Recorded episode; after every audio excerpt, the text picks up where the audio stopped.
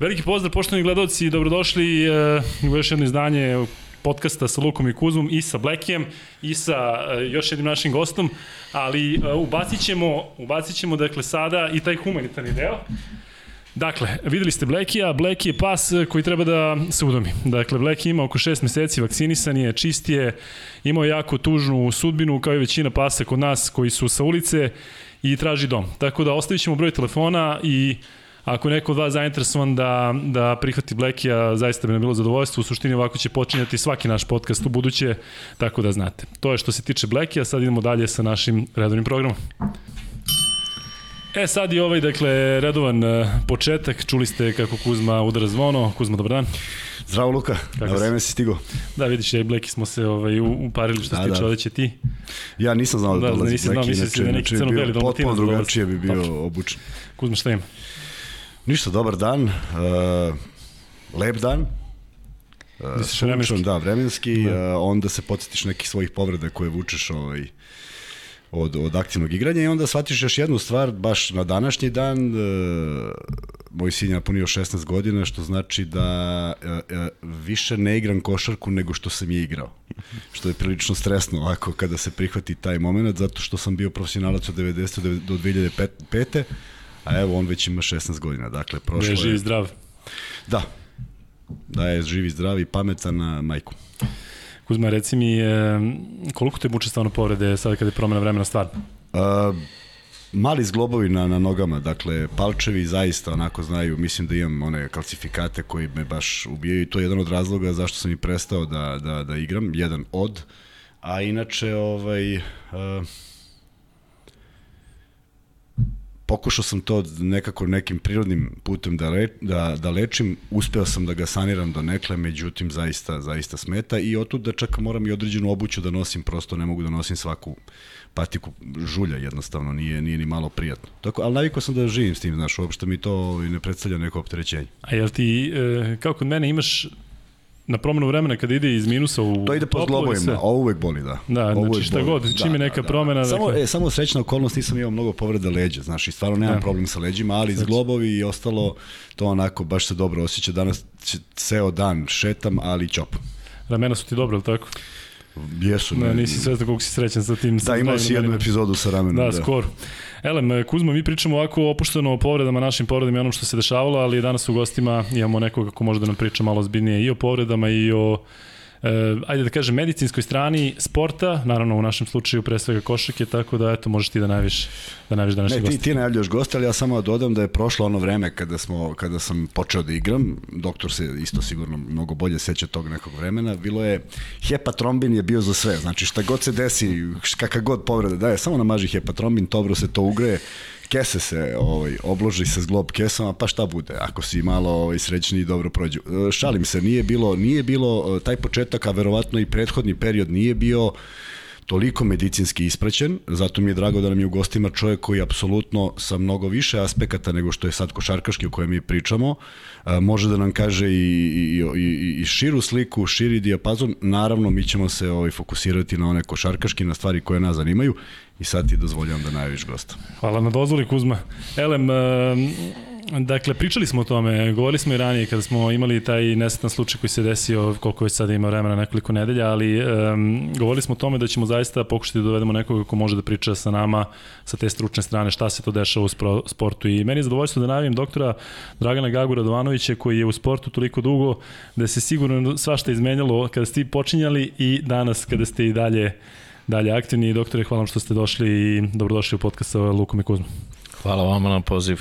E, recite mi, koliko je to drugačije zaista danas? Mi, ja i Kuzma često to pominjamo, koliko je danas sport Uh, potpuno druga priča od recimo pre 10, 20, 30, 50 godina.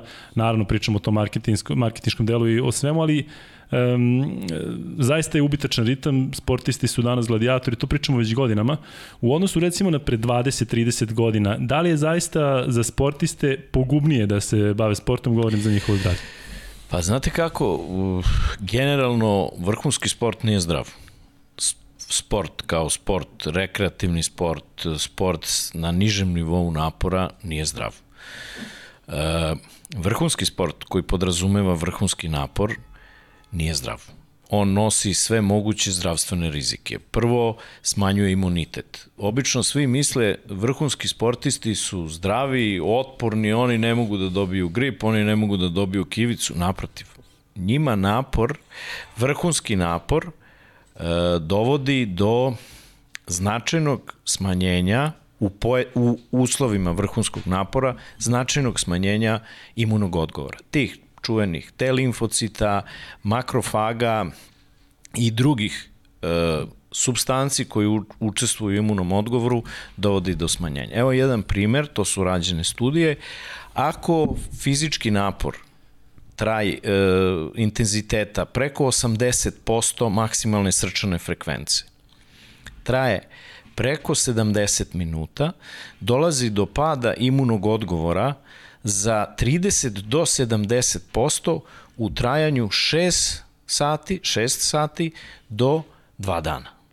Sami... 70 e, minuta treninga, ne govorimo 70 da... minuta bilo kog vrhunskog napora gde je srčana frekvencija je preko 80%. Znači, to je jedna intenzivna utakmica, na primjer, košarkaška, da. igrač koji igra preko 25-30 minuta, to je to. E, druga stvar, preterani fizički napori koji daleko prevozilaze fiziološke kapacitete kompenzacije organizma velikog fizičkog napora dovode do različitih mikrotrauma. Mikrotrauma se svako tkivo koje je to mikro oštećeno, nevidljivo da kažem oštećeno, ono pamti. I ta mikrooštećenja se talože, talože, talože i ako nema dovoljno oporavka između dva ekstremna fizička napora, to taloženje mikrotrauma na kraju dovede do one overuse povrede ili povreda prenaprezanjima gde mogu da budu svakojake povrede od pucanja mišića, preloma kostiju, pa evo ovaj kada govorimo, evo, Peđa Stojaković je, na primjer, imao jednu ozbiljnu povredu u svojoj karijeri dok je igrao u Grčkoj, on je imao stres frakturu potkolenice, zbog koga je pauzirao 4 do 6 meseci, sad sam tačno zaboravio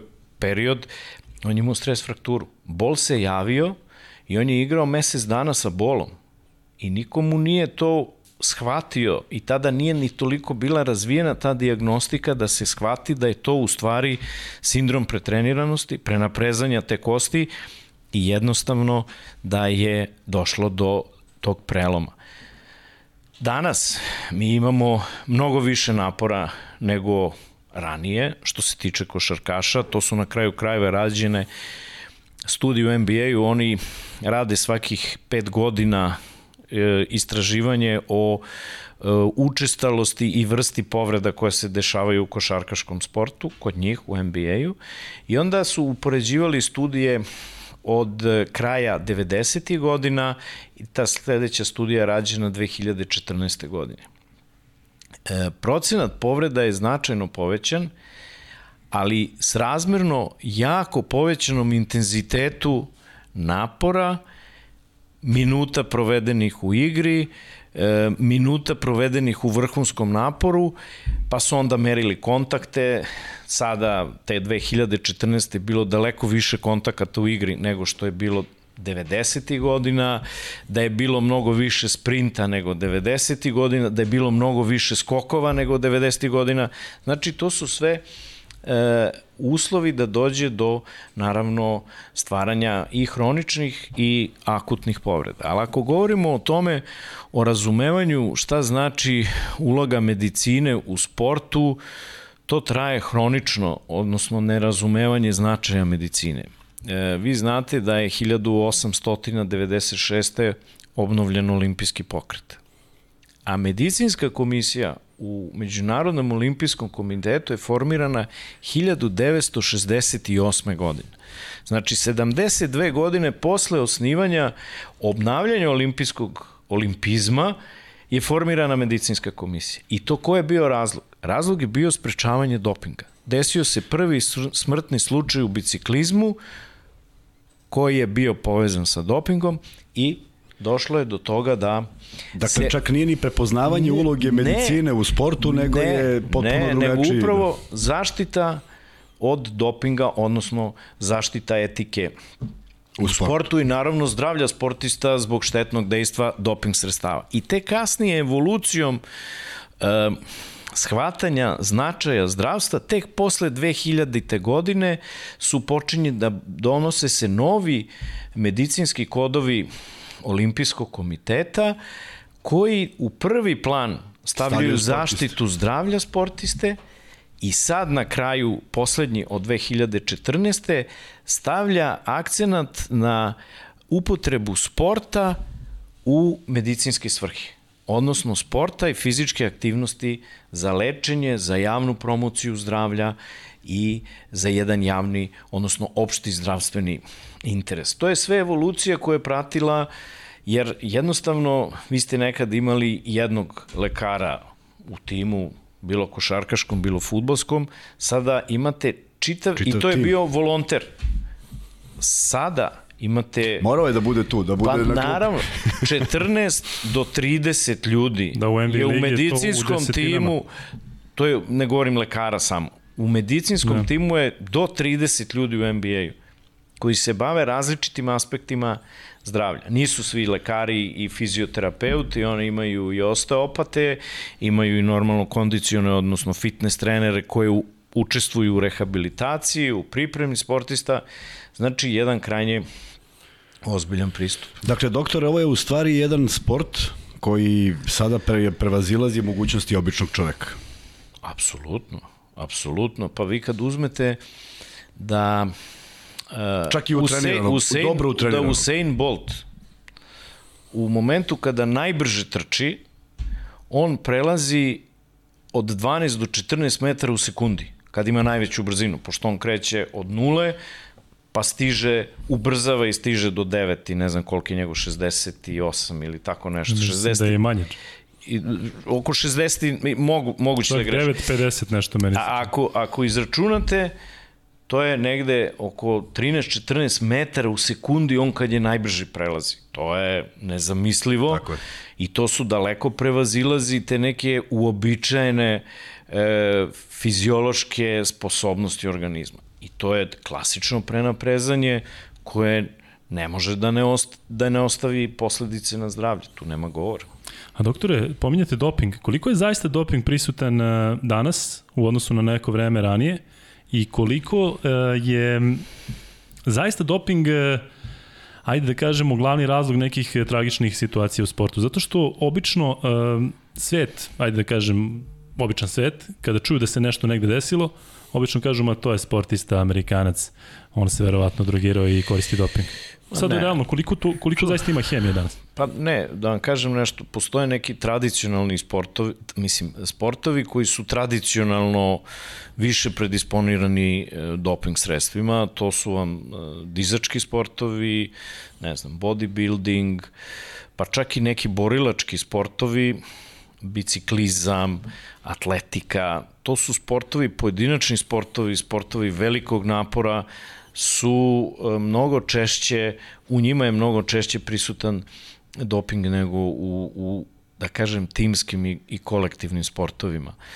E, tako da, mislim da se taj procenat dopinga ne menja tokom vremena. Sad ne mogu da vam, zaista nemam te podatke da sad znam statistiku, ali ovoliko koliko vidim iz, iz svakodnevne prakse i na olimpijskim igrama kad gledam te izveštaje, nisu neko poslednje olimpijske ili pretposlednje igre nešto značajno više zastupljeni doping, slučajevi doping pozitivnih sportista nego na ranijim olimpijskim igrama. Tu ima jedna stvar koja je bila još, sećam se na prvim olimpijskim igrama gde sam ja bio 2004. u Atini, gde je Vada in, uh, test, uh, odnosno intervjuisala sportiste, pravila jedno istraživanje i pitala je da li bi svesno uzeli doping sredstvo ako bi vam to garantovalo medalju, a da opet znate da će vam kasnije oštetiti zdravlje. Preko 80% sportista je reklo da. I sad u stvari vi imate dvostruki aspekt tu kad govorimo o toj borbi protiv dopinga. Prvo, štitite etiku u sportu, ali štitite sportiste same od sebe. Odnosno, tu grupu sportista koja je zaista mnogo manja nego ova druga, tu grupu sportista koja bi zaista svesno uzela doping sredstvo kako bi postigla rezultat koji mu ne pripada po njegovim karakteristikama sportskog postignuća. E, to je To je problem. u suštini osnovni problem. Problem, tako je. Uh, ja bi jedno pitanje koje nužno ne, ne tiče se sada profesionalnih sportista, ali, na primjer, uh, kad god razmišljamo o svom detinstvu, kad god razmišljamo o detinstvu mojih savremenika, mi smo prosto, hteli ne hteli, morali da izađemo na futbol, ili tako? Nije bilo ni košarkaških terena, nije bilo hala, nije bilo sala, nisi počeo da se baviš košarkom ili odbojkom. I to bilo futbol na betonu, Tako na je, bilo gde. I onda, šljaci. Tako je. I onda sam ja stalno pričao i to prenosim e, svim mlađim koji mogu, pa i mojoj deci, da je potpuno normalno igrati na betonu, na travi, skakati iz drveta, raditi bilo šta. E, Da li, doktore, u tom periodu postoji, po meni je logično, ali ti verovatno imaš neke bolje podatke, vezivanje uh, ligamenata, jačanje kostiju, jačanje organizma, motorika, dakle, e, e, mnogo ljudi sklanjaju decu u savremeno doba, ne daju im da se igraju napolje, ono, parkovi su prazni, Potpuno mogu da pogrešno. treniraju, da, mogu da treniraju u sali, jer tamo je valjda mekano ili šta, i jednostavno ograničavaju decu i onda se vrlo brzo u tom uzrastu ima mnogo mlade dece koje imaju povrede koje nisu uh, tipične za njihov uzrast. Pa evo, prvo, vrlo je korisno da se deca bave sportom i da se što više bave sportom. Uh, ja se sećam kada je Pešić došao za selektora, to je bilo 2001. godine, napravio je prvo veliko okupljanje svih mlađih kategorija košarkaša u Vršcu. Znači, to su bile najbolje selekcije juniorske košarkaške u, u Jugoslaviji tada koje smo mi imali. I mi smo njima radili pregled. Razvojne deformitete u smislu kičme, ravnih tabana, nepravilnih oblika e, kolena i stopala, varus, valgus, e, je bilo u preko 80% slučajeva. Znači, nije sport e, njih napravio razvojne deformitete, nego nisu pravilno usmeravani u tom sportu, odnosno nisu pravilno isko, nije pravilno iskorišćen sport da se kompenzuje taj nedostatak. To je suština cele priče. I e, normalno način života dovodi e, čoveka danas, da kažem, visoko civilizovan, e, tu podrazumevam, a smanjeno pokre, pokretan, pokretljiv, odnosno sa smanjenom tom fizičkom neophodnom aktivnosti, pogotovo kod dece, sedenje ispred kompjutera, razne igrice, društvene mreže i tako dalje, dovodi do toga da se ti svi razvojni deformiteti u stvari sve više pogoršavaju. I da situacija, e, oni svi jesu imali te deformitete, ali oni nisu bili u velikom procentu izraženi u toj e, jako loše formi. A danas je to sigurno još i u lošoj formu da. koje pokazuju istraživanja koja su rađena sa decom školskog uzrasta, odnosno u školskom sportu pre više godina. Tako da sport jeste koristan i tu nema govora za decu, s tim što mora da bude kod tih e, deca moraju da budu naravno pregledana pre ulaska u sport, ne da se ispečatiraju knjižice. Što je obično, da, što je običaj. Pa nije obično, ali dešava se. E, postoji zakonska obaveza i roditelji moraju da shvate da nije to nečiji hir da dete bude pregledano pre sporta, učešće u bilo kakvom sportu, nego je to neverovatno važno za zdravlje tog deteta i da se utvrde eventualni deformiteti i kako kroz sport da se koriguju. I da sport istovremeno bude ono što dete voli, da bude zabava, ali da bude i lekovit. I to je veoma važno. Ali to mora da se radi na jedan pravilan način. E, Potpuno slažem, doktore, s tim što, e, opet vraćam se u neko detinstvo, sigurno i tvoje, ali, ali evo, sećam se ja tog perioda, jednostavno, po ceo dan smo bili napolje, tako, nije bilo ničega drugog Naravno. i prosto radili smo sve. E, meni je komšija nedavno, ne, ne mogu kažem nedavno, pre 5, 6, 7 godina rekao da se moje deca penju na drvo. Bilo mi je potpuno nestvarno, drvo je u parku, nego sad mi nije jasno da li je dobro što se popeli ili ne valja što se penju, jer valjda je gro dece više nije usposoban da, da, da, da se popne, a neko im i brani da se, da se penju. To su jednostavno motorički pokreti kojima oni osposobljavaju svoje telo i budu funkcionalni. Tu nema sumnje da, da, da je sport neophodan, da nije svaki sport ne deluje povoljno. Znači mora da postoji određeni nivo fizičke aktivnosti, određena organizovanost te fizičke aktivnosti da bi se postigao koristan efekat. Ali u svakom slučaju bilo kakva fizička aktivnost je mnogo bolja nego sedenje. U svakom slučaju. Za razvoj.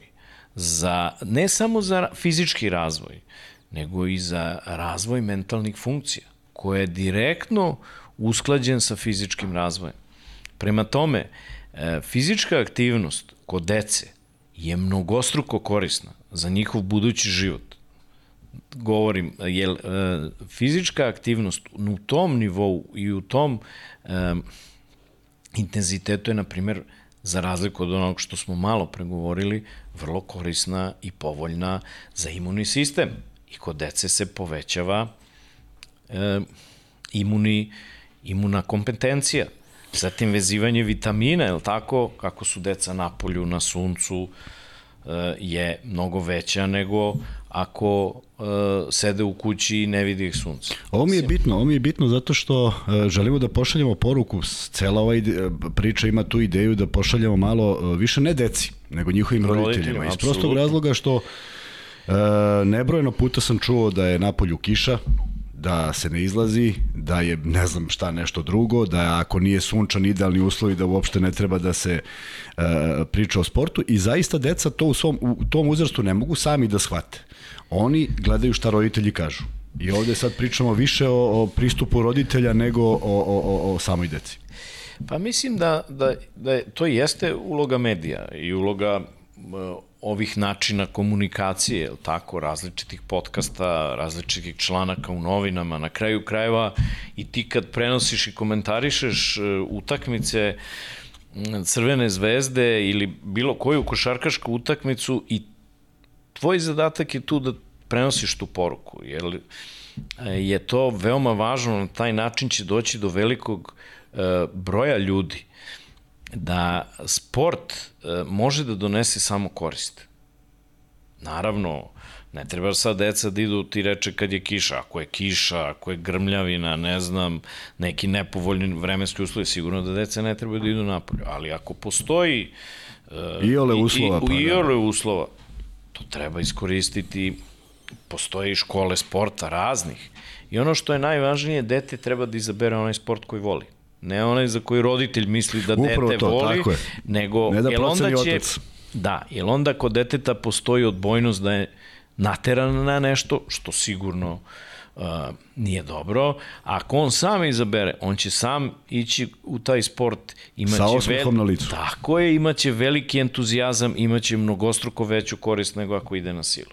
I deca treba i da probaju više sportova. Tako je, Ovo mu se ne dopada u redu, ajde drugi, odlično, dok ne nađe sebe. Ali je vrlo važno stimulisati to da vole sport. Tako je, slažem se.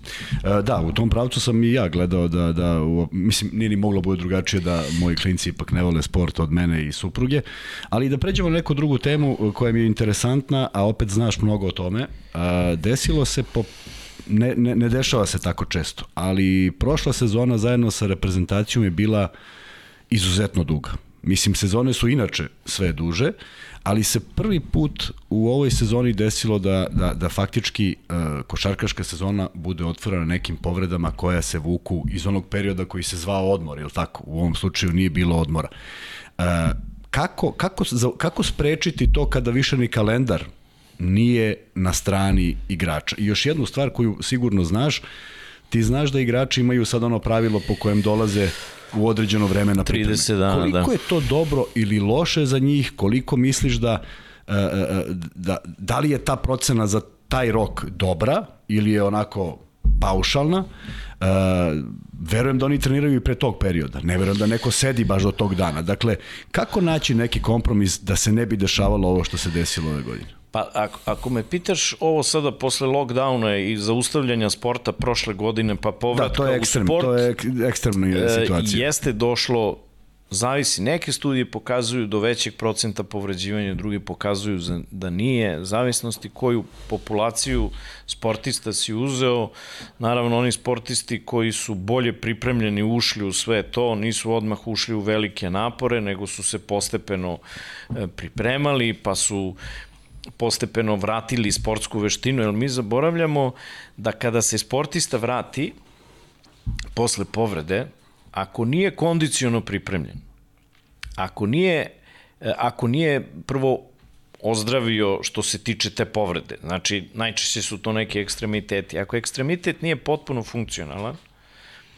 ako on nije vratio aerobne kapacitete, znači potpuno je kapacitete kardiovaskularnog i respiratornog sistema, ako nije vratio sportsku veštinu, on je četiri puta povredljiviji U tom trenutku nego... U tom da. trenutku da. nego sportista koji nije prethodno bio povređen. To isto je važilo i za ljude koji su bili u lockdownu. Jer i oni su prestali sa fizičkom aktivnosti kao što je prestao i povređeni sportista.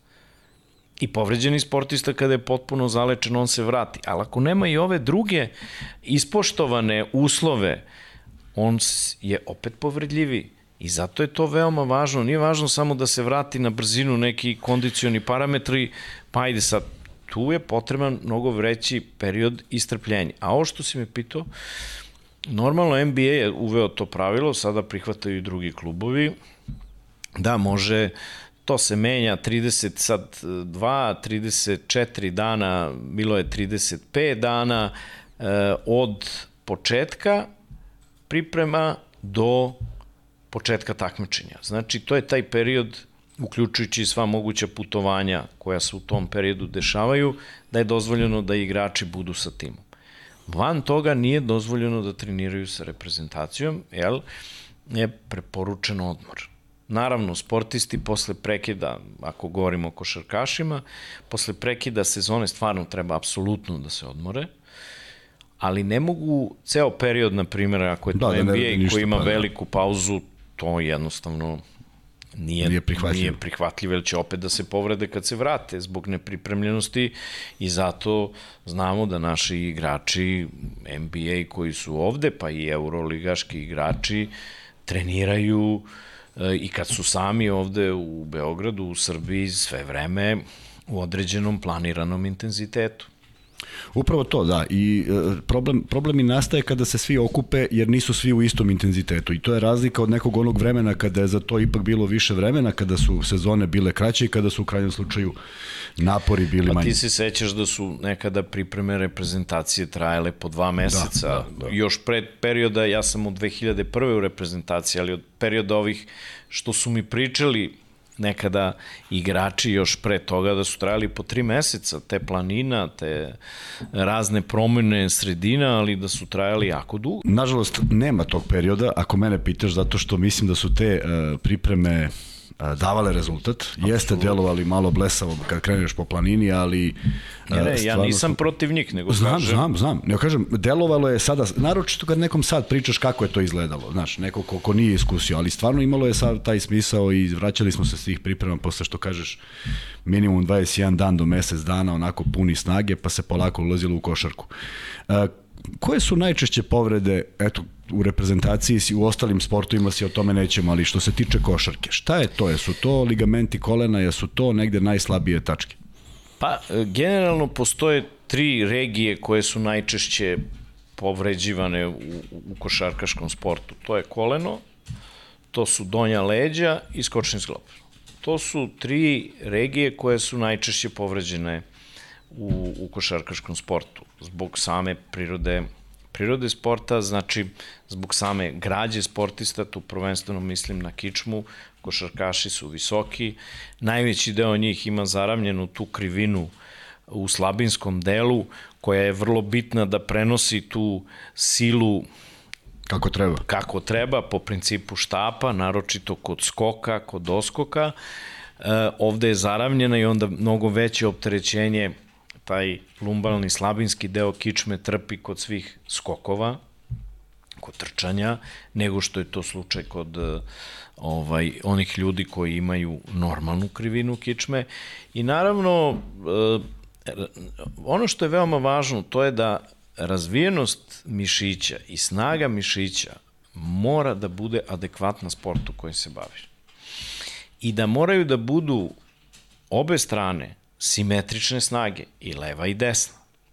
I da budu i, na primer, prednja loža i zadnja loža mišića, na primer natkolenice, moraju takođe da imaju usklađenu snagu. Da, ne može da bude... Jer sve to opet dovodi do povrede. do povrede. Onda mišići trupa, kor mišići koji su, da kažem, ajde najvažniji, jer njihova snaga je veoma bitna zato što su one upor za mišiće i ruku i mišiće nogu. I ako oni nisu adekvatne snage, onda će doći do prenošenja te posledice i na ruke i na noge. I to je isto veoma važno.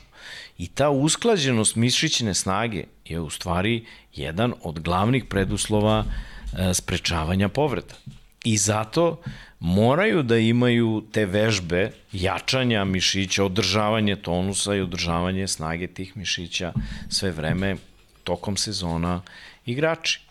Da, i koliko se promenila uloga kondicionih trenera Absolut. u poslednjih desetak, 15 godina. Značajno je, tako je po, povećan taj njihov, ta njihova uloga u klubovima. To je veoma tako važno. Je. I naravno, treba reći, nisu oni tu da spreče svaku povredu, oni su neko ko treba da pomogne da organizam, da se igrač dobro razvije, da se dobro spremi, ali ima mehaničkih povreda koje prosto...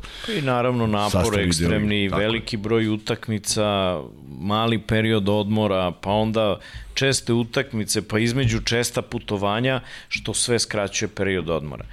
Rađen je veliki broj studija sredstava za oporavak, pa su korišćena razna sredstva od suplemenata do vežbi, uh, onih cool down, odnosno hlađenja, rastrčavanja, uh, vožnje lagane bicikla i tako dalje.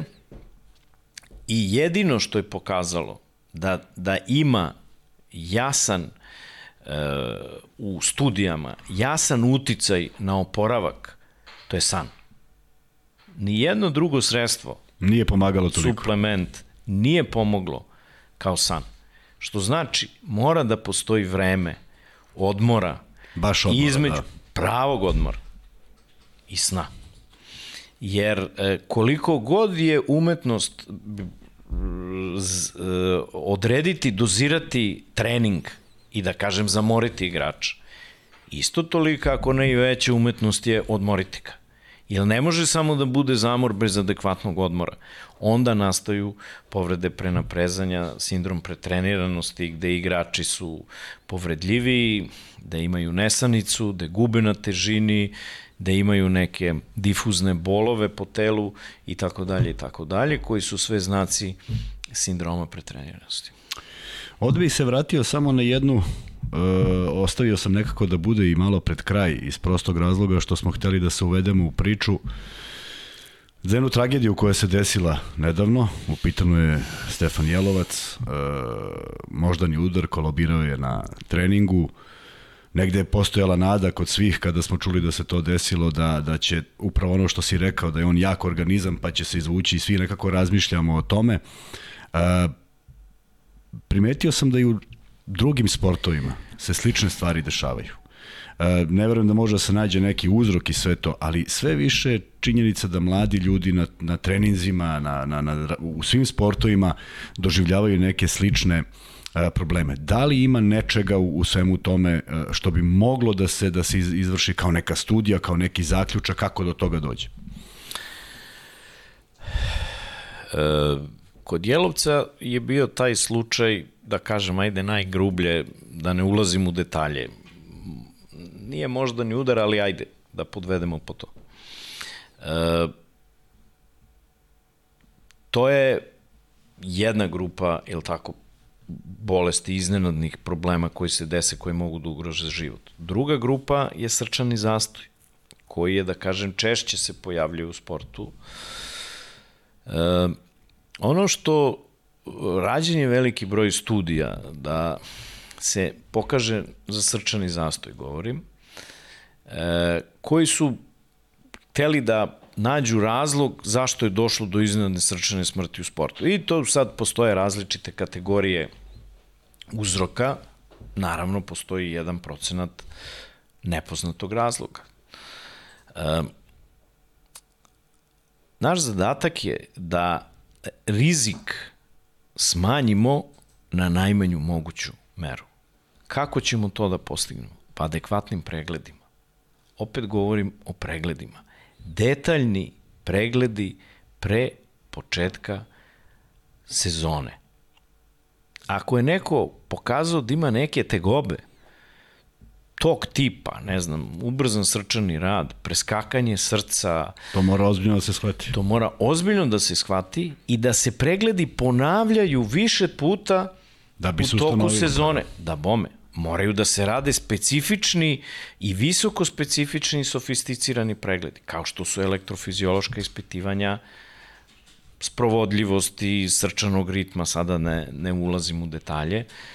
Sve to postoji kao mogućnost. I znači sve, šta ja hoću da apelujem? Da sve, te, sve, sve ti simptomi koji se pojave kod sportiste, poremeće srčanog rada, bolovi u grudima, nedostatak daha, nesvestice, da moraju ozbiljno da se shvate i da se ispitaju do kraja. Mi sigurno nećemo dovesti rizik na nulu, da neće biti smrtnog ishoda na, u sportu. Ali moramo da ga svedemo na najmanju moguću meru. I druga stvar, to je ono što sad radimo i što smo počeli, to je da moramo da obučimo što više ljudi da rade mere oživljavanja. Jer kada stane srce, najvažnije je prvih tri minuta. Vi u prvih tri minuta morate da započnete pravilnu masažu srca i da mehanički vi vašim pritiskom na grudni koš ispumpavate krv u cirkulaciju dok srce ne proradi. I morate da imate negde automatski defibrilator blizu koji će kao što smo bili svedoci u slučaju futbalera Eriksona na svetskom prvenstvu u futbalu, da kad počinje to neko poremećaj ritma ili srčana treperenja, koji će tim strujnim udarom moći da mu vrate normalnu srčanu aktivnost. To je veoma važno. Znači, to su sve preventivne mere i mi smo sada započeli kampanju Životi u tvojim rukama, gde obučavamo ljude iz sporta, fizioterapeute, lekare koji to smatraju da im je potrebno, kondicione trenere, trenere, da budu pa i same za... sportiste obučavamo znanjima, odnosno veštinama oživljavanja. Je li to bitno? Dok e, dođe hitna pomoć, to sigurno da treba više minuta od tri. Koliko god da su brzi, da. Tako je. To u Americi je, koliko se ja sećam, jedna studija rekla da kod njih od 9 do 11 minuta dolazi hitna pomoć. I kod njih su ta 3 minuta najbitnije, pa da. Jasno. I to je suština. E, sve ovo što si rekao, e, imali smo jedno lepo gostovanje Gorana Neškovića, pričao je o Pitu Maraviću ispostavilo se da je umro jer je imao takav deformitet srca, je imao... Marfanov sindrom ili šta? Pa ne, uopšte kažu da nije imao jednu Aha, ne, ne znam, ne znam, da. E, I prosto nam je bilo neshvatljivo da nije ustanovljeno, ali i sam si pričao da tih godina mogu kažem da je to baš bilo toliko davno, ali verovatno pregledi nisu bili adekvatni s obzirom da je to bila jedna mana koju je bilo možda i lako ustanoviti, pa je jedan takav čovjek uh, preminuo vrlo mlad. Pa jeste, zato i postoji, ja se opet vraćam na te suštinske stvari, to je i kod nas postoji zakonska obaveza, zakonska regulativa da se pregledi vrhunski sportista rade na šest meseci. To je upravo to. I ako je to urođeni nedostatak, to je tek zaista za razmišljanje kako toliko dugo kako je došlo, godina da. je on nije prepoznan, znači da. da pregled nije bio adekvatan. Tako da e, sadašnji pregledi zaista jesu mnogo detaljniji i ovi slučajevi u poslednje vreme koji su se desile e, iz tih akcidenata u, u, na sportskom terenu su, ja mislim, napravile, ako mogu tako da kažem, jednu dobru stvar, što su kod samih sportista pobudili želju da se na te simptome sami jave, da ih ne prećute. Znači svest se probudila i kod njih. Pro, da. Tako je, da se, da se ne, e, ne, ne kriju to, nego da kažu i da budu adekvatno ispitani. Još jedno pitanje koje će sigurno zanimati mnoge, a ti si opet neko ko je vrlo bitan u svemu tome, e, reprezentacija s kojom si proveo mnogo vremena, košarkaška reprezentacija. E, videli smo da ih osposobljavaš, tačnije ceo tim. Koliko je to naporno, koliko to iziskuje napara? Ja sam sreo u jednom trenutku, to je bilo više opreme, više opreme išlo medicinske nego svega ostalog. Kako izgleda taj mikrociklus u suštini i koliko je koliko je taj rad svih vas bitan da oni da oni zaista izađu na teren sa svim ovim stvarima koje se dešavaju u sred sezone, to jest pod sezoni kada treba da se odmori, a on u stvari još u većim naporima.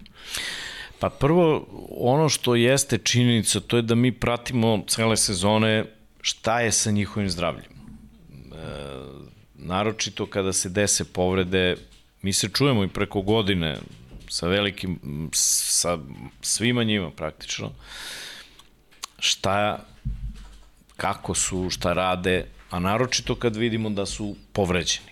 Onda sigurno E, se čujemo sa njima, pratimo do kraja, do, do, imamo kontakte sa njihovim medicinskim timovima i jasno nam je kakve su povrede i šta da očekujemo kada oni dođu u reprezentaciju.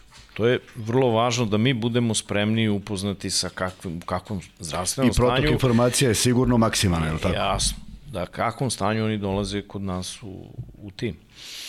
Naravno, kada dođu kod nas, prvo je da vidimo trenutnu situaciju, da vidimo ko je povređen, ko nije, kakav je to tip povreda, da li je diagnostikovan, da li nije. Često se desi da povrede se vuku i po nekoliko meseci, a da se ne napravi ni magnetna rezonanca, ni, da kažem, najjednostavniji ultrazvuk, onda mi to zaista sve uradimo.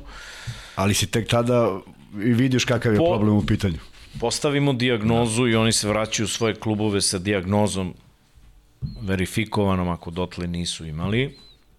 Naravno, ako se pojavi nešto, naročito sad u ovom periodu posle korone, imali smo i sad tih slučajeva kad smo se poslednji put okupili, kada igrači imaju neku, odjedan put im se javi neka malakselost, nešto, mi ih odmah zaustavljamo, bilo koji simptom koji može da nam bude sumnjiv, na post-covid neku komplikaciju, mi odmah prekidamo i radimo kompletno testiranje kardiorespiratornog sistema u detalji.